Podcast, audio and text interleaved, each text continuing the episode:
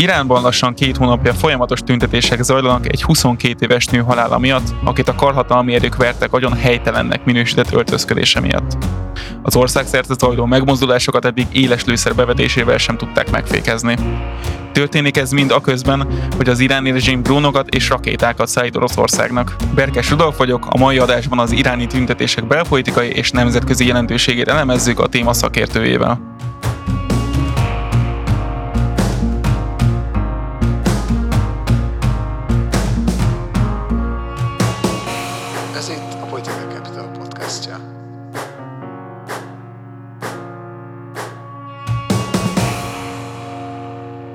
Minden második pénteken friss adásokkal jelentkezünk. Négy hete az energiaválság volt elítéken, két hete pedig az orosz információs háborút jártuk körül.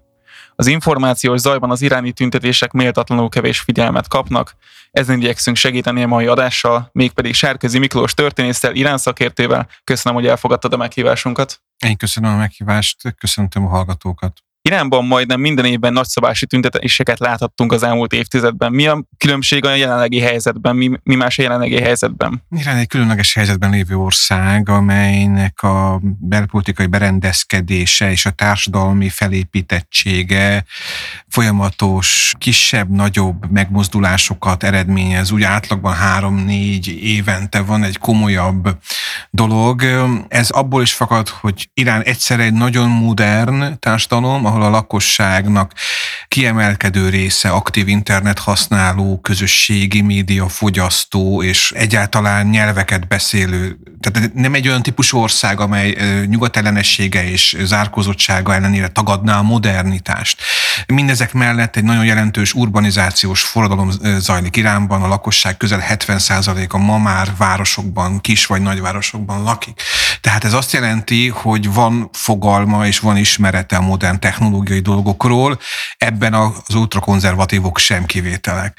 Másrészt viszont van egy olyan politikai berendezkedése, amely mind a belpolitikai modelljében egy teokratikus rendszert próbál fenntartani, mind külpolitikai modelljében egy antiglobalista, ha úgy tetszik, nyugatellenes és részben izolációs gazdasági politikai filozófiát követ. A feszültségek, ha makro szempontból nézem, akkor körülbelül ezekből jönnek össze, hogy tehát itt a lakosságot nem egy észak típusú, elmaradott, fejletlen, ha úgy tetszik, információs blokkád alatt tartó rendszerről van szó, hanem éppenséggel a nyugatot meghaladni akaró a modernitásban lekörözni óhajtó rendszerről van szó, amely támogat mindenfajta technológiai innovációt, ez viszont kihat arra, hogy a lakosság tájékozott, és adott esetben picit talán árnyaltabban látja a világot, mint ahogy azt nekik szeretnék közvetíteni. Mi lehet az oka a jelenlegi tüntetők kitartásának, és meddig folytatódhatnak ezek a tüntetések? Egy folyamat közepén vagyunk, nem vagyunk Iránban, tehát nagyon óvatosan kell fogalmazni, és bármifajta jóslásba én, én nagyon nem mennék bele arra helyezni most a hangsúlyt, hogy összehasonlítsam a mostani tüntetéseket mondjuk a 2019-es eseményekkel, vagy főleg a 2009-es eseményekkel. Ott mind a két esetben nagyon nagy tömegek, sok, a mostani tüntetőknél egy-egy eseményen, vagy egy-egy estén sokkal nagyobb tömegek mentek ki az utcára, százezres tömegek mentek ki, de sokkal gyorsabban kifulladt, vagy sokkal gyorsabban leverték, vagy sokkal gyorsabban, hát nevezzük úgy, nem, nem folytatódott a dolog.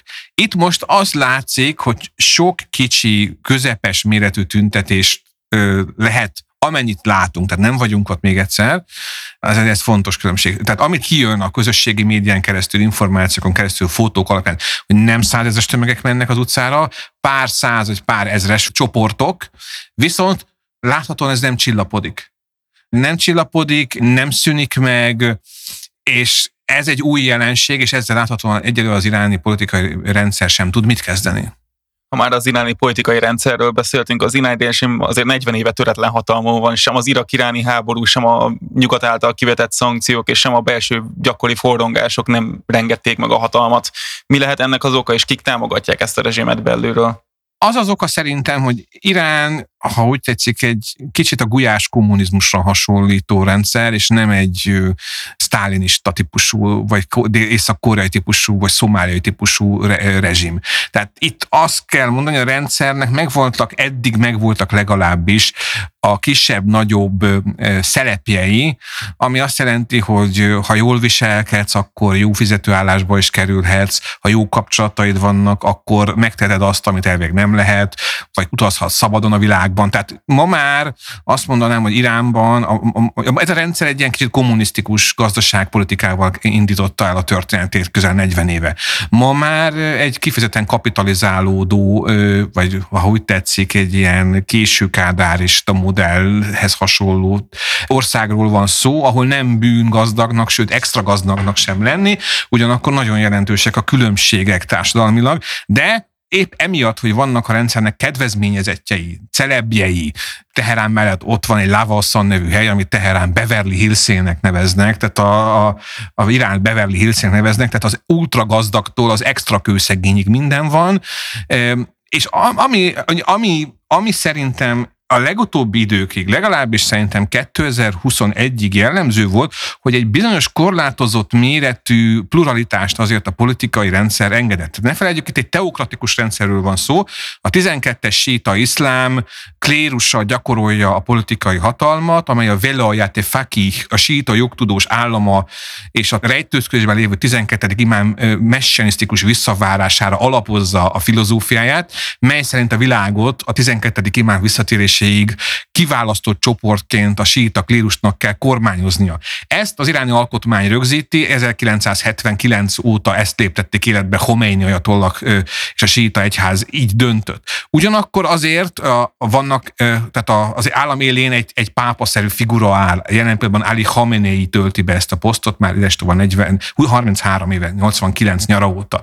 Őt, mint a pápát, egy szűkkörű klérus, az úgynevezett szakértők gyűlése választja meg a szakértők gyűlése elvileg már a nép által választott dolog. Tehát az isteni teokratikus felfogás mellett van egy azért a népfelség elvének is szorítanak helyet a, a gyakorlatban. Tehát itt a szakértők gyűlése, valamint a parlament, valamint az iráni államelnök, aki az ország number two vezetője, már a nép által, vagy a lakosság által vezetett tisztség volt. Most ugye az a helyzet, hogy 2021-ig úgy gondolom, ez a politikai rendszer megtette azt a szívességet a lakosság mondjuk vele kevésbé szimpatizáló, kicsit inkább szekulárisabb városi középosztályainak, hogy engedett mondjuk, ha nem is ellenzéki, de mindenképpen alternatív felfogású politikai csoportokat is a színen maradni. Gondoljunk itt Mohamed Khatamira, és gondoljunk itt mondjuk egy ideig ugye Mir Hossein Musavira, gondoljunk itt akár Hassan Rouhanira, vagy Mohamed Javad Zarif külügyminiszter nézeteire. Ők mindannyian a MR rendszer termékei voltak, de mégis csak azt lehet mondani, hogy egy ilyen különutas, nyugat felé kacsingató, rugalmas, a civil társadalomról beszél, vagy ott volt még a, a Rafsanjani is, aki ugye kemény vonalasként indult, de aztán az utolsó tíz évében már ilyen progresszívnek számító fura figurává vált.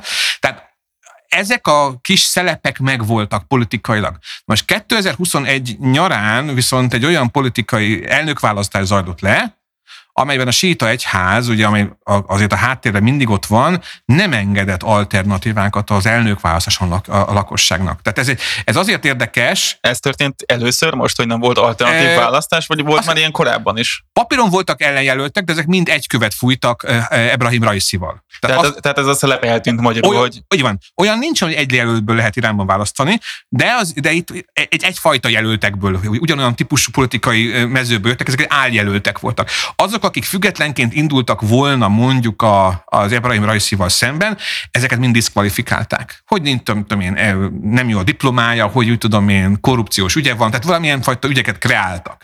Ez azért fontos, mert Raisi 79 óta, mint iráni államelnök, a legkisebb támogatottsággal lett megválasztva. Tehát azok hihetetlenül nagy tömegek vonultak apatikus csendbe, és nem mentek el szavazni. De ez már 21, az nem csupán az elnök választás miatt fontos, ez, ez 21 nyarán volt, hanem 21 februárjában, most abban 20 februárjában voltak utoljára Iránban parlamenti választások. Ez a Covid kitörése, iráni kitörésének az első napjairól van szó egyébként, amikor úgy tűnik, hogy a Covidot már három hete bent tudták Iránban, csak ezt eltitkolták, hogy minél többen menjenek el szavazni. És ott is ugyanez játszódott le, hogy az olyan reformpártiakat, vagy progresszíveket, ezek ilyen párt kezdemények, tehát nem klasszikus nyugati demokratikus pártokról van szó, de még egy-egy mondjuk reformista politikusnak a követői, famulusai, de mégis valami pártszerű dolog, e, e, a reformista pártokat szint ott teljes mértékben részben diszkvalifikálták, részben a lakosság is csalódott volt, hiszen ugye a Trump-féle szankciók hatására nem jött be Hassan Rouhani előző iráni elnöknek az a vágya, hogy majd a nyugati tőke bejön Iránba, és akkor majd az iráni gazdaságot megfinanszírozzák. Ugye ebből egy nagyon nagy bukás lett, mert ugye Trump kilépett a GCP, JCPOE-ból, újabb nagyon erős iráni szankciók Irán ellenes szankciókat vezetett be, ezáltal közben az iráni rendszer próbálta magát gazdaság kivonni, az, a, az, van egy ilyen etatista gazdaság, hogy etetik a lakosságot, olcsó tojás, olcsó kenyér, minden óriási állami szubvenció volt. Most ezt próbálták csökkenteni, gondolvá, hogy majd jön be a, a JCPO után. Az irán atomalkúról van szó. Így az irán atomalkú után jön be a nyugati tőke, és ez majd jön be a pénz.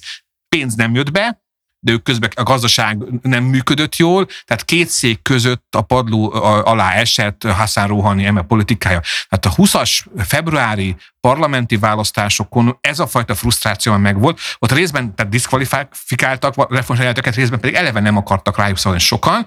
Ott masszív ultrakonzervatív, illetve hát nyugatellenes jelöltek futottak be.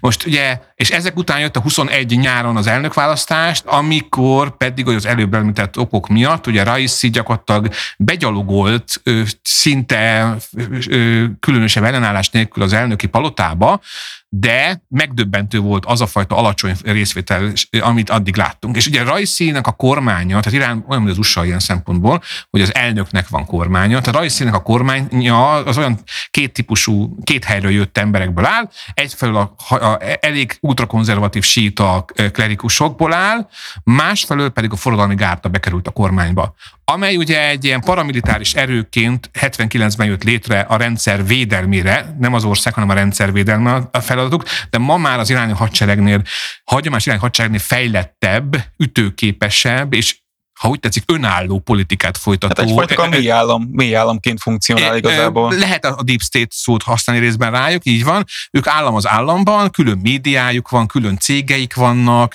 külön, itt tudom én, iskolai kedvezményeket kapnak a tagjaik, és hát ők intézkednek Irakban, Szíriában, részben máshol is, és ilyen szempontból ugye, ha azt mondom, hogy Qasem Soleimani, akkor mondjuk körbeértem azt, hogy ő neki mekkora befolyása volt. Most ugye a kormány, a mostani irány kormányban, tehát a síta egyház mellett a fordalmi gárda kapott pozíciókat. Ez ugye, és azt gondolom, ugye, hogy eközben azonban a reformisták perifériára kerültek, kikerültek a hatalomból. Se a parlamentben, se a kormányban, se máshol nem voltak döntéshozó pozíciókban. És ugye ez miért fontos? Azért, mert a lakosság középosztálybeli rétegeinek nem maradt képviselete. És mindenhez ugye tegyük hozzá, hogy mindez a Covid közepén volt. A Covid közepén, ami iránt nagyon megtépte, Ugye Irán ott is föntartotta ezt a fajta izolációs politikát, hogy nem kell a nyugati vakcína. Valamennyi nyugati, meg kínai, meg orosz, kínai és orosz vakcína az oké okay volt, de például Pfizer-t és Modernát nem engedtek be. Helyette maguk fejlesztettek vakcinát, csak ez, ami, ami nem biztos, hogy rossz, csak sokkal lassabban ment. Meg a kubaiakkal szintén egy ilyen izolációs országgal ö, kooperáltak olyan pletyka is volt, de ez csak pletyka, hogy amíg a, a Rohani hatalmon volt, addig szándékosan egyesek vagy kettesek elszabotálgatták az oltásoknak a szervezését. Amikor a Raisi hatalomra került, hirtelen nagyon szervezett és, és, és flottá és olajozottá vált az oltási folyamat.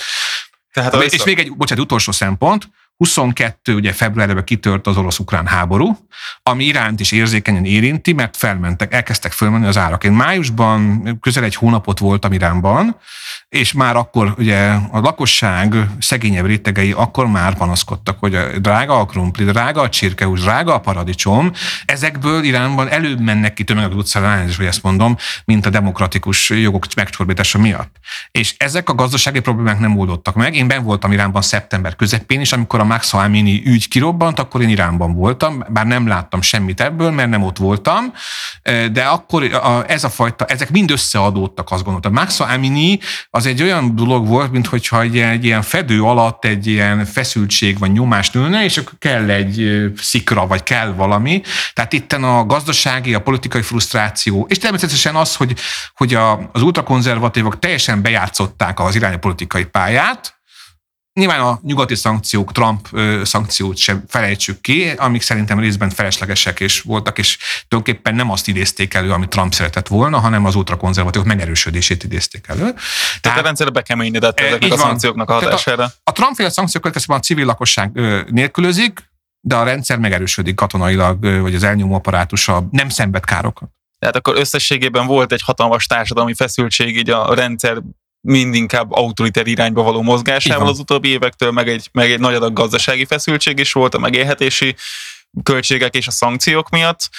És akkor erre jött rá ez a fajta nőjogok elleni eh, még, még teljesebb incidens, ami mennyiben, tehát mennyiben szól ez igazából a nőjogokra, és mennyire ezekre a mögöttes frusztrációkra? Van, tehát ugye valójában ugye az aktuális, ugye Maxa Amini esete az Azért érdekes, mert ugye van ez a Gaste Ershad. Ez szó szerint a jó életvezetésre vezető őrjárat nevű rendőr, speciális rendőri egység, amit 2006-ban hoztak létre. Tehát az, hogy, az, hogy 79 óta mindig, ugye 79 márciusában tették kötelezővé nyilvánosan a fejkendőviselését, és 80 nyarától vált hivatalokban is kötelezővé. Na most ugye ez egy ellenhatás, mert a sah korában 79 teljesen szekuláris ország volt, akkor például éppen az volt kötelező, hogy fejkendő nélkül vonuljanak be az emberek, bár nők hivatalokba, vagy iskolákba, vagy egyetemekre. Van egy ilyen szürreális vicc, hogy mi a különbség 79 előtt Iránban és 79 után Iránban. 79 előtt azért vitték be a nőket a rendőrségre, mert csador volt rajtuk. 79 után meg azért vitték be a nőket a, a rendőrségre, mert nem volt csador rajtuk. Ez egy bármilyen leegyszerűsítő vicc, de van valami igazság magva. Na most ugye visszatérve erre, tehát ez egy állandó probléma, hogy mert ugye a 79-ben a sahot ugye sokan utálták, és olyan csoportok is részt vettek a sah elkergetésében, akik szekuláris identitásúak voltak. Khomeini nyilván meglovagolta ezeket a középosztálybeli csoportokat, de abban a pillanatban, hogy nyerekben érezte magát, 79 márciusában közölte, hogy kötelező a kendő viselést. Ugye a Khomeini visszaállította a sariát, az iszlám jogot. Teljes mértékben a jogrendszer alapjává ez vált, ugye 79 előtt Iránban egy szekuláris, ha úgy tetszik, nyugati gyökerű jogrendszer volt. Khomeini azonban minden téren az étkezés étkezéstől, a, há- a magánjogon keresztül, a nők és férfiak viszonyrendszerig, az alkoholfogyasztás tilalmáig, a szerencsejáték, kártya, sakk és egyebeknek a betiltásáig próbálta a korán síta interpretációját újra visszaállítani. Ez gyakorlatilag mennyire működik így Iránban, hiszen azért, ez ahogy mondtad, egy ilyen modern igen, társadalom mégiscsak. Most hát ez egy ilyen húsz meg erezd meg. Tehát azt lehet mondani, hogy Iránban egy ilyen inga mozgás tapasztalható. Ha éppen egy nyugatbarát elnök van hatalmon, akkor lazítanak a szabályokon, a sajtón, az öltözködési szabályokon, a, az, étkez, az éttermekben mit lehet, és élő zene mikor lehet, és mikor nem lehet. Egyáltalán az, hogy mit tudom én, foci meccseken a nők mehetnek-e külön szektorokban.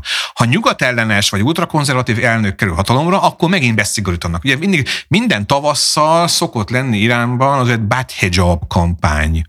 Mi az, hogy bad hijab? Rossz kendőjű nők elleni kampány. Ilyenkor kimegy a rendőrség, és ugye begyűjtenek embereket, pusztán amiatt, mert szerintük éppen udvarlási periódusban kicsit a lányok lazábbak, vagy szűkebbre veszik a ruhákat.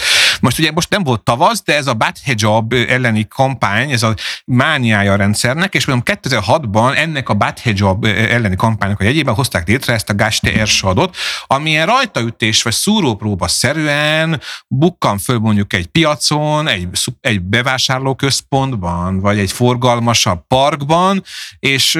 És ezt nevezzük, hogy ezt nevezi a sajtó... Morális rendőrségnek, vagy erkölcsi rendőrségnek, és ugye ezek nők és férfiak alkotják, tehát ez nem, ez nem hogy azt gondoljuk, hogy ez csak férfiakból áll, ezek nagyon szigorú csadoros nők, és mondjuk hosszú ujjú inges férfiak, akiknek a jogosítványai vált, tehát ezek váltakozók voltak. Az ultrakonzervatív Ahmadinejad alatt ők nekik jog volt a, a, a, a rosszul lányokat vagy helyben figyelmeztetni, vagy pénzbírsággal sújtani, vagy külsúlyosabb esetben bevinni a rendőr őrsökre, és akkor ott ilyen átnevelő tanfolyamon, vagy valami fajta előadáson kellett részt vennünk, és akkor utána az apja mondjuk oda ment, a, adott némi pénzt a rendőrségnek, és akkor le volt tudva. Tehát azért ezért nem volt ez, nem kell úgy, ezt úgy felfogni, hogy ez ilyen tragikus kimenető mindegyik, tehát ha valakinek ilyen befolyásos szülői vannak, akkor ez el volt felejtve.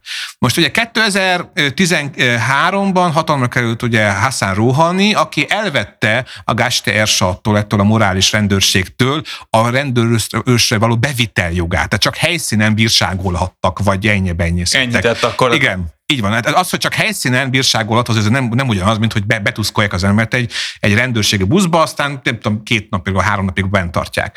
Most jött ugye tavaly Ebrahim Raisi, ugye, akiről tudni kell, hogy ő a rendszer ultrakonzervatív köréből származik, Ali Khamenei legfelsőbb vezető személyes kedvence, plusz ugye Alamol Hoda nak a Meshedi Reza Imám szentély közismerten elég konzervatív pénteki imámjának a veje, tehát a rend, ő, aki 21 évesen már bíró volt, és hát mondjuk úgy hozott halálos ítéleteket, ezt is felszokták hozni az ő kurikulumában, és ő abban a pillanatban, hogy hatalma került, az őt támogató ultrakonzervatívoknak kedvezett, és például visz, többek között visszajtotta a Gásti Ersadar morális rendőrségnek a rendőrs, szigorúbb jogosítványait. Tehát ez így a rendszernek ez az intenzitása folyamatosan változik. Így van, tehát, de ez, ez, ez, a nyugatbarát elnök nyugatellenes, és hát ez ilyen inga mozgásszerű. Most ugye a Rohani egy nyugatbarát elnök volt, most nyilván az törvényszerűnek tűnik, hogy most egy nyugat ellenes vagy, vagy konzervatív elnök volt, és csak a, a Haraisi azon nyom, ami mondtam őt, ugye úgy tolták be hatalomba, hogy nem volt igazából megmérettetve. Vagy persze a Raisi-vel kapcsolatban vannak olyan plegykák, hogy esetleg ő lehet az egyik potenciális jelölt a legfelsőbb vallási vezetői posztra. Ugye Ali Khamenei 83 éves, Időről időre plegykák merülnek föl a, az egészségi állapotával kapcsolatban. Ez utoljára idén szeptember elején volt, hogy a Hamenei pár hétig nem mutatkozott meg a nyilvánosság előtt, aztán gyorsan megmutatkozott, mikor már elkezdtek spekulálni. De Raisi-nak azt mondják, hogy neki ez a tanuló ideje az elnöksége valójában, mert az ő igazi posztja majd talán a a legfelsőbb vezető. Ezt azért nem mindenki osztja, de sokan ezt mondják. Na most ugye Raisi visszatérve, de neki bizonyítania kell. Mit kell bizonyítani? Hogy ő konzervatív. És például az ilyen látványos dolgok, mint az erkölcstenészetnek a megerősítése, vagy a csadorviselésnek a, a, a városi középosztálybeli, vagy világias életmódot folytató, főleg fiataloknak a megregulázása, ez neki egy komoly programpont azért, hogy piros pontokat kaphasson az őket támogató konzervatív vagy ultrakonzervatív körökben elkezdett keményedni a rendszer, a nőjogokra is tekintettel, elkezdett konzervatívabbá válni, az inga ebbe az irányba lenged ki. Most ezeknek a tüntetések hatására át, átlendülhet a másik irányba, sikeresek lehetnek ilyen értelemben ezek a tüntetések, vagy ezek már teljesen másról szólnak? Azt gondolom, a Max Amini is egy érdekes szimbólum. Tehát ugye ő nem csupán úgy iráni, de azon belül iráni kurd, és iráni szunnita kurd. Tehát az ő halála, vagy a tragikus halála, meggyilkolása ütlegelése, és ahogy belehalt, ugye, tehát ami agyi ödémát kapott a, az ütésektől, megvan át a CT, röntgen felvétel, minden. Szóval, hogy őt, azért azért érzékeny dolog ez, mert nyilván egy fiatal lányt öltek meg, amiben sok fiatal nő magára ismert, akiket ugye szintén ilyen meg olyan módon piszkálnak. Ezen kívül kurd, Irán lakosságának 40%-a etnikai kisebbségi, és ugye ezen belül az iráni kurdság az, az északi része, ott a Sakkez, Mahabad, hát az az észak része igen, de az a, az a rész, ez különösen, hát nevezük úgy, az a, ez a lány onnan származik. És ennek a területnek a 19. század óta mondjuk megvannak a maga partizán háborús hagyományai az iráni rendszer ellen, vagy gerilla háborús Mint Törökországban mondjuk? Így van, így van. Tehát ugye, ha megnézzük 1880-as években egy bizonyos Wagner Károly nevű magyar tábornok, akit a monarchia küldött az iráni hadsereg tréningezésére, ott bocsánat, a kurdokat regulázta könnye, keményebb vagy még keményebb eszközökkel. 1920-as években ott volt a Simkónak a lázadása, egy másik ismert kurd gerilla vezér, de 1979-ben, amikor szétesett a sakrendszer, ott a helyi kurdok azonnal önkormányzatokat és átvették a városok irányítását, amit már a Khomeini hadserege vert le. Kitört az irak elleni háború, 1980-as évben Saddam Hussein fegyverezte az iráni kurdokat cserébe Irán meg a, az iraki kurdokat fegyverezte. Tehát most ugye most is mi van, hogy a pesmergáknak, itt a pezsaknak, mi az a pezsak, az a kurd munkáspártnak az iráni tagozata, aznak, annak vannak csoportjai kur, iráni Kurdisztánban is. Ezek azonnal aktivizálódtak, mert ők etnikai, kisebbségi mi voltukban érezték magukat megsért, vagy megöltek egy kurdlányt, agyonvertek, és ugye ezek a, ott azért az etnikai elnyomásnak, a kisebbségek korlátozásának megvannak a sajnos a szomorú jelei. Tehát a kurd nyelv használata, vagy kurd kultúra nem mindig. Jobb a helyzetük az iráni kurdoknak szerintem a törökországi kurdoknál, de mondjuk összehasonlítjuk azzal az anyaországszerű észak-iraki Kurdisztánnal, nyilvánvalóan hátrányokban szenvednek. Ugye a másik szempont az, hogy szunnita volt a lány. Ne feledjük, Iránnak a lakosságának 92%-as 12-es síta, de vannak szunnita tömbök. Hol? Például ez a kurd csoport, ez egy szunnita kör. A másik, ugye Irán most, ahol nagy, nagy balhé van, ez Belud, Szisztán és Belugisztán, Zahedon és környéke. Ez délkeleten van, délkeleten a pakisztáni határon. A, a, ahol ugye beludzsok vannak, akik szintén szunniták szintén etnikai problémák, többség-kisebbség probléma van, szunniták, és ezen kívül mind a mondjuk úgy, hogy iráni Kurdisztán, különösen Belugisztán, mondjuk, hogy Irán mély szegény régiói közé tartozik. Belugisztán, ugye ott fekszik a pakisztáni, afgán, iráni határhármasnál, kábítószercsempészet probléma van, vannak szunita radikálisok pakisztáni oldalak, akik időről időre összemérik erőiket a iráni forradalmi gárdával, tehát az egyetlen olyan iráni tartomány, ahova nyugati turistáknak nem ajánlatos utaznia, míg akkor sem, ha nincsen Maxa Hamini ügy, a Szisztán és Belugisztán. Most ezen a két helyen van, itt komoly halott van, tehát itt azt gondolom, hogy a belügyok és a kurdok kevésbé a Max Amini nőjogi ügyeért tüntetnek, hanem ez a saját etnikai vallás és sérelmeikért mennek ki az utcára. Máshol, ugye a városokban, ott elsősorban a középosztálybeliek, 40 év alattiak, tanult diplomás emberek tüntetnek, egyetemi, különösen kiemelkedő az egyetemisták, az egyetemi hallgatóknak a jelenléte. Hogy mi lesz ebből, a kérdésre visszakanyarodva, ha ez tovább, tehát ez tovább, nemrég olvastam egy, egy, egy, egy iraki kurd vezetőnek a nyilatkozatát, hogy, hogy ez az érdekes, hogy ez már 8 hete vagy 7 hete, 7 és fél hete tart, és ha még tovább fog tartani, akkor az nyilván ez egy tartósabb válságnak a jele lesz, amire egyelőre az iráni politikai rendszer nem találja az orvosságot. Nyilván most megy a katonai fenyegetés, elrettentés, de jelen pillanatban azt láthatjuk, hogy ha nem is nagy formában, de mégis minden, mind, szinte minden napra jut valahol elég sok helyen kisebb tüntetés. Amit még tegyünk hozzá, hogy a síta hagyományban ugye a, a mártír kultusz nagyon erős meg, a, meg az igazságkeres. És a síta iszlám az miről szól? Ez a Hossein imámot, a, harmadik sítát meggyilkolják, és a, az ő, ő, ő az, aki a, a, az elnyomó Yazid kalifa ellen küzd. Tehát a síta iszlámnak a modern interpretációban, mondjuk Ali Shariati írásaiban ez a fajta zsarnokölés, meg a zsarnokság ellen küzdelem borzasztó erős társadalmi üzenet. Ez a síta iszlám, a 12. síta iszlám egy kisebbségi vallás, de ez nem csupán úgy, hogy a szunitákkal szemben kevesedben vannak, hanem úgy, hogy mondjuk a zsarnokkal szemben kimegyünk az utcára. Ez a fajta 68-as eszmékre is hasonlító zsarnok, nagyon, nagyon sok iránynak, nagyon, sok, nagyon komoly baloldali szimpátia van egyetemistek között. Miért? Mert ők valahol azt látják, hogy tudom én, Csegevara, meg Hosseini, meg ezek így mind összetartoznak. És ugyanakkor még egy, még egy fontos dolog, hogy a, a, a, a síta hagyományban a 40-es napra figyeljünk. Minden halott a halálának a 40. napos évfordulóján van egy nagy tor, amikor megint összegyűlnek ez a Arbain arabul, ugye perzsául csehelom, ez egy nagyon fontos szimbólum. Megjegyzem, 78-ban is az iszlám forradalom is így indult el, hogy ugye a Sah rendőrsége 78. januárjában belelőtt Kom városában Khomeini párti tüntetőkben, amikor a Sahnak a, az egyik napilapja lehozott egy cikket, hogy Khomeini brit ügynök volt, vagy valamilyen ilyen dolgokat, ilyen karaktergyilkosság. És erre kimentek az emberek, Komban a Khomeini hívei, ez nagyon vallásos kör emberek, a rend, Sahnak a rendőrsége belelőtt a tömegbe, maradtak halottak, és akkor 40 nap múlva megint kimentek, és így alakult ki az iráni iszlám forradalom 78 nyarára. Most valami hasonlót látunk, nem merném a, a forradalom szó használatától tartózkodnék, de a 40. napon, a halál után 40 napon bárkinek halál, adott helyen valóban nagyon intenzív, nagyobb intenzívitású tüntetések vannak. És mi lehet a végeredménye, hogyha, amikor azt mondhatjuk, hogy ezek a tüntetések sikeresek voltak? Azt gondolom, hogy ebben a társadalmi világban, az iráni világban nagyon fontos az, hogy legyenek vezetők, hogy kialakuljon egy mozgalom. De ilyet nem látunk. Tehát a kurdok, meg a beludzsok mondjuk szervezettebbek, ottan törzsi háttérrel, vagy politikai háttérrel rendelkeznek.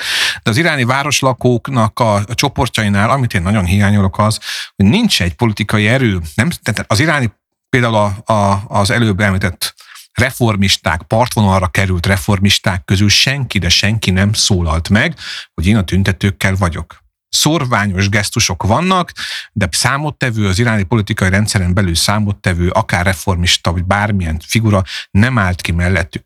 A külföldi emigrációban élő iráni politikai vezetők, mint a saknak a fia, vagy egyéb politikai formációk igazából nem, nem nem tudnak odaférni ahhoz, hogy belőlük ottan Iránban új vezető legyen. Ez egy nagyon érdekes dolog, és ez viszont nem szól a tüntetők mellett, az egyetlen esélyük az, hogyha kitartanak szerintem. Mert talán a, egyesek úgy vannak vele, hogy most már minden mindegy, elvesztettük a politikai reprezentációnkat, rosszul élünk anyagilag, tudjuk azt, hogy így is úgy is kirúgnak meg az egyetemről, vagy a munkahelyünkről. Tehát van egy ilyen kiábrándultságból fakadó lesz, ami lesz hangulat szerintem sok embernél. Ma reggel például olvastam egy cikket, ahol ezt ugye szerdán vesszük fel ezt az adást, hogy, hogy egy szunnita klérikus nyilatkozta azt, hogy lehet, hogy újra kellene tárgyalni a válság megoldásához ezt az alaptörvényt, vagy alkotmányt, a 79-es alkotmányt, és erre egy népszavazást tartani, hogy e, ez mennyire lehet iránya a tüntetéseknek, és ez mennyire csak egy ilyen partvonalról való bekiabálás. Akiről szó van, hogy ő a Zahedani szunnita nagymecsetnek az imámja aki az egyetlen iráni vallási vezető, aki kiáll a sajátjai mellett, és folyamatosan kritizálja, kárhoztatja a, a híveire éles lőszerrel lövő katonaságot vagy rendőrséget. Ugyanakkor ő a vidéki Irán peremén élő szunita vezető, szunita vallási vezető. A mai hír volt az is, mai szerdai hír, hogy, hogy Szisztán és Belogisztán élére új katonai vezetőt nevezett köziráni rendszer. Ez nem sok jót ígér. Tehát az azt jelenti, hogy keményebben fognak fellépni a mostaninál is. Ez a hang, tehát akármennyire is szimpatizált tüntetőket, mégsem érzem azt, hogy ez meg fogja rengetni a politikai rendszer. Tehát itt a, a helyzet az az, hogy, hogy ez a, ezek a tüntetések jelen pillanatban zavaróak és gyengítőleg hatnak Irán politikai vezetésére, de korán sem tudják megdönteni, és nincs, nincs nem látni azt a, azt a politikai mozgalmat, amely, amely alternatívát jelenthetne, vagy amely, amely tudná szervezni ezt. Nem mondanám, hogy ezek szervezetlen tüntetések, de nem is látom azt a fajt, az egyetlen sanszuk az, hogy kitartanak. És akkor majd meglátjuk, hogy mondjuk néhány hónap után talán, talán ami a tüntetőknek a legfontosabb ugye, újdonsága, hogy nem félnek. Tehát akkor az lehet a, a megoldása a tüntetéseknek, hogy vagy ad egy leveri az iráni ezeket a tüntetéseket, és elfáradnak, belefáradnak az emberek, vagy pedig valaki ennek az élére áll, akit még egyelőre nem látunk, hogy ki ennek az élére, és hogy tárgyal most a jelenlegi rezsimmel arról, hogy milyen kedvezményeket tehetnek, vagy milyen változtatásokat érhetnek el. Azt gondolom, hogy valami ilyesmi lesz, nem, egyelőre senki nem mer forgatókönyveket húzni. Ez egy nagyon lassan, de mégiscsak folyamatosan zajló tüntetés sorozat.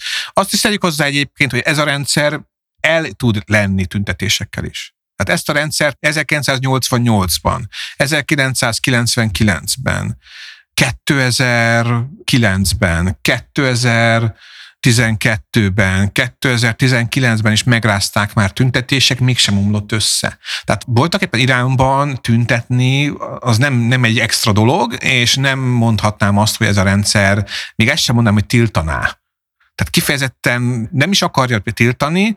Itt a tüntetésének az új szerkezete érdekes. Nyilván erős a nő, női jogoknak a reprezentációja ebben. Ebben teljesen, teljesen egyetértek, hogy itten a városi, főleg fiatal értelmiségi és női lakosság, ez egy ikonjává vagy szimbólumává vált ennek az eseménynek. Ők azok, akik ugye kevésbé vallásosak, és nem akarnak még szerintem 30-40 évet úgy élni, ahogy most éltek. Kitekintve így az iráni külpolitikára, miben változtathatja meg ezt a rezsimnek így a nemzetközi hozzáállását a dolgokhoz? Szerintem semmiben, egyelőre semmiben, ugyanis itt azért 2020-21-ben már történt egy nagyon jelentős változás. Ez nyilván most itt sok más világpolitikai esemény van, ez magyar sajtóban nem annyira feltűnő. Ugye Iránnak 1979 Így ugye egy markáns nyugatbarát politikai krédója volt. Amerika barát, Izrael barát, egyáltalán nyugatbarát volt. 79-ben ugye az előbb inga mozgás jegyében átmentek egy globalista,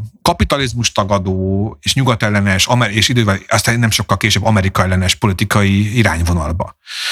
Ez aztán persze később finomodott, de mégis ugye a másik az, hogy persze Khomeini azt is kijelentette, hogy mi se nyugat, se kelet nem vagyunk. Tehát a, az antiglobalizmus, a híres elszó, nem csupán a, nem a nyugat ellenesség, az azt jelenti, hogy mi nem akarunk se az amerikaiak, se az orosz-szovjet rendszer, vagy a kínaiaknak a martalékává válni. Viszont ugye azért 2020-21-ben Irán látványosan beállt az oroszok mögé. Tehát úgy gondolom, hogy jelen pillanatban egy iráni politológus írta egy elemzésében tavaly, hogy nyugodtan ezt a ne gárb, ne sárk, se, se nyugat, se kelet jelszót, mottót le lehet venni, mert Irán egyértelműen az orosz és részben a kínai gazdasági, politikai csoportokat támogatja. Miért történt mindez? Ez persze részben amiatt is történt, hogy 2018-ban Donald Trump kivonult a JCPOA-ból, és ezzel, akárhogy is nézzük, az oroszok és a kínaiak maradtak az egyetlen opció Iránnak, hogyha nagy külpolitikai szövetséges keres. Az, a JCPOA-nek megvolt az az olvasat is, hogy az Obama kormány révén a hosszabb távon nagyon lassan és nagyon óvatosan akár az USA is visszatérhetett volna az iráni világba, gazdasági téren mindenképpen, de talán később politikailag is. Viszont Trumpnak ez a radikális döntése ez szét, szétrombolt ezt az illúziót, és a JCPOA láthatóan a mostani politikai tüntetésnek az egyik legnagyobb kárát abban látom, vagy problémáját abban látom, hogy a JCPOA újra tárgyalása megakadt, és nem lesz JCPOA jelen pillanatban megállapodás. Én a pessimistábbak közé tartozom, amik azt mondják, hogy tehát nem lesz GCPOE jelen pillanatban, és a rendszer meg fog keményedni. Ez pedig azt jelenti, hogy az orosz és kínai, általában nyugat-USA ellenessége fog ö, megerősödni. Ugye ennek a jeleit látjuk például az ukrajnai eseményekben, ahol ugye ma már szinte biztos, hogy vannak iráni fegyverek. Tehát akkor a nyugati szankcióknak a feloldása és a Iránnak a világkereskedelemből visszakapcsolására annyira nincs sok esély most a közeljövőben. Ez azért is érdekes téma, mert még talán márciusban, május környékén volt egy ilyen kicsi hír, hogy az Európai Bizottságban azon gondolkodnak így a, az orosz szankciók kapcsán, hogy hát ha esetleg Iránt vissza lehetne csatornázni energia ügyben a világkereskedelem színpadára, és, és így megoldani az oroszokat, kiváltani iráni energiával. Ez mennyire realisztikus most? Ennek a hírei szeptemberben is keringtek, hiszen ugye augusztus-szeptember fordulóján itt volt Európában az egyik iráni külügyminiszter helyettes, aki Magyarországon is járt egyébként, és a sajtó vele is interjúzott, tehát hogy gyakorlatilag Irán tett ilyen gesztusokat, vélhetőleg a JCPOI megállapodás alkupozícióinak a javítása céljából, hogyha ti engedtek bizonyos mondjuk emberjogi vagy egyéb szankciós feloldásában, mi azért cserébe tudunk például Európának gázt adni, és akkor ezzel például az mostani téli időszaknak a ügyeit, vagy akár hosszabb távon lehetne egy alternatív forrásból megoldani. Viszont az tény, hogy ekközben Irán ugye nagyon erősen orosz barát politikát is folytat. Tehát ez az ajánlat jelen pillanatban úgy gondolom, hogy nem került komoly megfontolásra, vagy nem került az asztalra komolyan, és pláne a mostani iráni események fényében az EU ugye újabb szankciókat, EU-s országok tömege újabb szankciókat a németek és a franciák vezettek be Iránnal szemben. Ez nem erősíti azt a képet, hogy, hogy itten Irán jelen pillanatban alternatív gázszállító lesz talán nem is lenne jó ötlet, hogy az oroszokat mondjuk egy másik közelkeleti forrásra cserélnénk le, egy gáz meg olaj tekintetében. Én nem vagyok gazdasági szakember, de összességében véve ez nem egy elvetendő gondolat. Tehát Irán ebb valóban be tudna lépni ebbe a szerepkörbe, csak hogy a, az izolált politikai helyzete, és ugye Iránnak a nevezzük úgy vehemensen nyugat ellenes retorikája, vagy amerikai retorikája, izraeles retorikája, ezek olyan hátráltató tényezők, amelyek megnehezítik az üzletkötést Ráadásul ugye Irán annyira szinten el van zárva a világtól, tehát hogy egy IBAN vagy SWIFT rendszernek sem a része. Tehát ugye itt nem lehet például pénzügyi ö, tranzakciókat hagyományos módon ugye, ö, megoldani, tehát itt, itt, itt sokkal több bürokratikus es, dolognak kellene lezajlania, ahol ö, megoldani, hogy, hogy ebből egy komoly megállapodás legyen szerintem. Tehát Iránnak ez az izolált gazdasági rendszere, ez az, az Ekteszade Mukavemet, az ellenállás gazdaság gazdasága. Ez részben tehát egy kényszeres helyzet, hiszen a mostani Oroszországi háború, háborúig, ahol ugye Oroszországot nagyon sok szankcióval sújtották, Irán volt a világon a legszankcionáltabb állam. Ugye most már csak már ezüstérmesek, de mégis, tehát azt kell mondani, hogy ez a fajta szankciók halmaza, ami egyszerűen ugye ENSZ szankciókat, USA szankciókat, EU szankciókat, nehezíti ezt az egész megállapodást és kicsit távolabbra tekintve, hogy az ukrajnai invázió hatására az orosz-iráni kapcsolatok azért közelebb húzottak, de mi a helyzet mondjuk Közép-Ázsiával, hogyan változott mondjuk Oroszországnak a viszonya Közép-Ázsiához és az ottani országokhoz? Ez egy nagyon összetett kérdés, szerintem egy országonként kéne ez vizsgálni. Na most én először az első dolog az az, hogy egy idén januárban kezdődött a kazak ugye, esemény sorozattal, ahol ugye volt egy ilyen belpolitikai válság, egy Nazarbayev ellenes lázadás, aminek hatás ugye Oroszország hirtelen megjelent részben katonailag is Kazaksztánban. Aztán ugye ott volt, kevéssé kapott nagyon nagy nyilvánosságot, hogy márciusban hirtelen lemondott a türkmén elnök. Kurbankuli Berdi Muhammedov, a fia javára, Szárdar Berdimondov javára. Persze ez egy, lehet egy, egy közép nem ismeretlen dinasztikus politikának is tekinteni, hogy a helyi elnök egy család alapon adja tovább a hatalmat, de mégis ugye váratlanul most márciusban a 60-as évei közepén járó nem is annyira idős, 60-as év másik felébe járó türkmén elnök, aki jó egészségnek örvend, hirtelen mondott, és egy Moszkvában tanult, Moszkvában egyetemre járó 40 év körüli fiára testálta át a hatalmat. Ugyanúgy Putyinnak, a, ha jól emlékszem, az első, a háború alatti első útja Tajikisztánba vezetett. Ugyanakkor ott volt köz Üzbegisztánban a Karakalpak válság nyáron, ahol ugye Üzbegisztánnak egy nyugati része, amilyen autonóm státusz, illetve süllyedt volna vissza egy nem autonóm státuszba, és ebből egy véres, kisebb, pár napig, hétig tartó incidens sorozat, halottakkal járó incidens sorozat alakult ki, amikor is a, a lázadók, a felkelők Oroszországhoz fordultak segítségért. Ez, ezek után ugye volt telefonbeszélgetés a két ország vezetői között, és az üzbégek visszakoztak attól, hogy korlátozzák a karkalpakoknak az autonómiáját. Üzbegisztán egy érdekes eset, mert hogy például márciusban az üzbék külügyminiszter az kiállt Ukrajna területi integritása mellett, majd pedig ezt követően hirtelen külföldi gyógykezelésre vonult és lemondott. És azóta Üzbegisztán tartózkodik mindenfajta véleménynyilvánítástól ebben a kérdésben. Ugyanakkor a, nemrég volt ugye Samarkandban egy jelentős, ugye ez a Shanghai Cooperation Organizationnek a meetingje, ahol az összes közép elnök plusz Kína, plusz India, plusz Irán ott volt, és ha jól emlékszem, ott például a Tajik elnök nagyon neki esett Putyinnak verbálisan, melyben kifejezte elégedetlenségét amiatt, hogy itt akad, hogy Oroszország ugye nem úgy segíti a közép hogy abból a közép haszna legyen. Aztán ugye ott van a tajik kirgiz ugye, határvillongás, meg ott van az örmény azeri határvillongás kiulás, amelyek általában azt mutatják, mint hogyha Oroszországnak a befolyása picit megkopna, vagy legalábbis Oroszország inkább Ukrajnára fókuszálna. Ezek több száz halottal járó véres események voltak, csak nem annyira figyeltünk rájuk. Tehát voltak ilyen kisebb ügyek, általában véve azt mondhatjuk, hogy például Kazaksztán most például én nem vagyok gazdasági szakember, de ha jól emlékszem, Kazaksztán amiatt aggódik, hogy az, a, saját, a kazak gázt és a, és a kazak olajat nem tudja Európában értékesíteni, mert Oroszország ott van közte.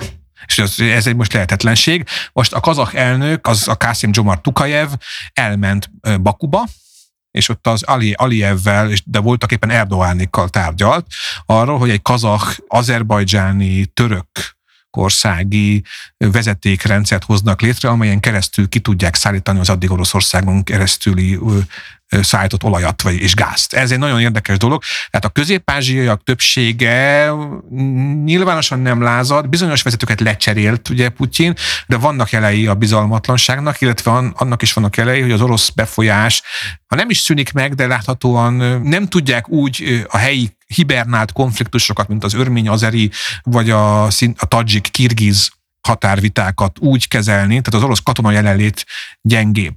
Tehát ezek persze nem nagy országok, és nyilvánvalóan nincsenek egy súlycsoportban Oroszországgal, de láthatóan megviseli őket az, hogy, hogy most egy ilyen átmeneti állapotban vannak. És van arra esély, hogy az orosz befolyás csökkenését mondjuk egy ilyen nagyobb iráni befolyás ellensúlyozza ebben a térségben, vagy itt azért még nem tartunk, hogy Irán tényleg egy középhatalom. Szeretjük, vagy nem szeretjük Irán egy középhatalom. Van nyoma annak például irániak dróngyárat hoztak létre például Tajikisztánban. Tajikisztán persze köz, különös eset, mert ugye a, a Tajikisztán kultúrásan nagyon közel Iránhoz, a Tajik az a közép-ázsiai perzsa. Tehát itt van egy nyelvi, etnikai, szorosabb szövetség. A másik, ahol az irániak aktívabban lépnek fel az utóbbi hónapokban, ez a kaukázus, ezenből a dél-kaukázus, az az azerbajdzsáni örmény konfliktus helyzet. Itt több probléma van. Először is Irán gyanakodva figyeli Azerbajdzsánnak a túlzott térnyerését.